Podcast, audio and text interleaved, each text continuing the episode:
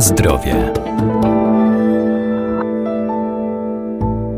Istotą zdrowego odżywiania jest to, co zjadamy, jak często i w jakich ilościach. Nie bez znaczenia jest także uregulowanie czasu pracy, snu i odpoczynku, a wiosną warto szczególnie zadbać o odpowiedni dobór składników w posiłkach, by złagodzić skutki przesilenia.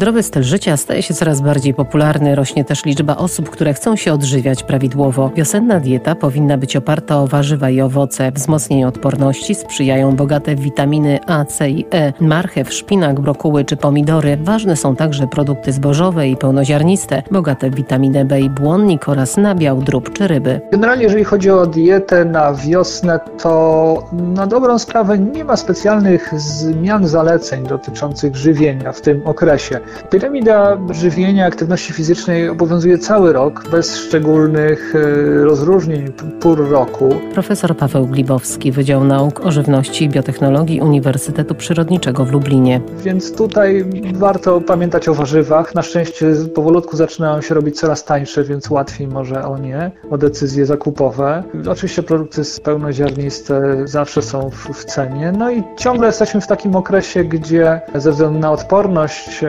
warto pamiętać o suplementacji witaminą D, e, no bo wiadomo jaki mamy czas. Ta suplementacja wspiera nie tylko generalnie e, walkę z tym obecnym problemem, koronawirusem, ale również e, na wszelkie inne przeziębienia, na które jesteśmy bardziej narażeni w tym okresie, też pomaga. W żywności spore witaminy D mamy w łososiu, w generalnie tłustych rybach, rybach morskich, czyli tu jeszcze można wspomnieć o makreli, można wspomnieć o śledziach. Troszkę są bardziej atrakcyjne powiedzmy y, dla konsumenta ze względu może na, na ceny. Natomiast, znaczy rekordy bije w ogóle węgorz, przy czym wiadomo, że dostęp do węgorza jest bardzo trudny i y, wcale bym nie skreślał takich banalnych może źródeł witaminy D, jak na przykład margaryny. Współczesne margaryny mają y, zupełnie inną technologię produkcji, są wolne od kwasów trans, natomiast zawierają nieduże ilości nasconych kwasów tłuszczowych, w przeciwieństwie do masła, które no niestety, ale mają 10 razy mniej witaminy D od margaryn, no i też spory udział nasconych kwasów tłuszczowych, które niezbyt korzystnie działają na, na organizm człowieka. Zatem tutaj mamy, mamy ciekawe źródło, szczególnie jeżeli ktoś no, często robi kanapki sobie z margaryną, więc tu nawet może połowę tego dziennego zapotrzebowania pokryć y, poprzez y, właśnie używanie samej margaryny. A tak, natomiast generalnie bym się nie, też nie łudził za bardzo, że te, te źródła żywieniowe wystarczą, więc mimo wszystko zaleca się dodatkową suplementację. Na zdrowie. Bardzo cenne będą też m.in. kiełki, bogate w białka, witaminy i związki mineralne wytwarzane podczas procesu kiełkowania. Każde urozmaicenie diety jest dobrym pomysłem, czyli e, jeśli ktoś e, sięga po dodatkowe różne produkty, właśnie tak jak kiełki, myślę, że to może być bardzo ciekawe urozmaicenie. Produkt bogaty w różne składniki mineralne, witaminy, jak najbardziej ciekawy pomysł.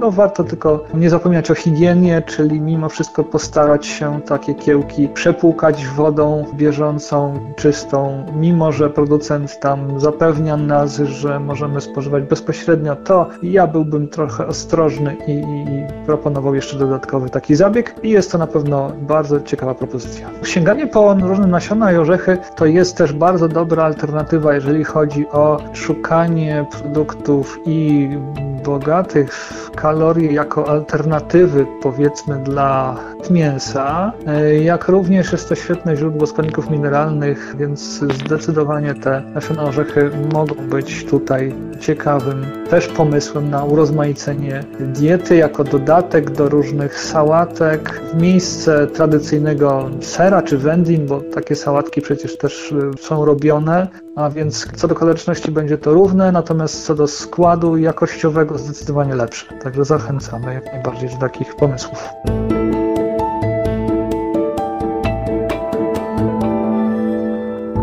Pamiętajmy też, że zdrowy styl życia to nie tylko odpowiednie nawyki żywieniowe, ale także codzienny ruch i aktywność fizyczna. A jeżeli postanowimy zmienić swoją dotychczasową dietę i myślimy o odchudzaniu, to warto zawsze pierwsze kroki skonsultować z dietetykiem bądź lekarzem. Na zdrowie.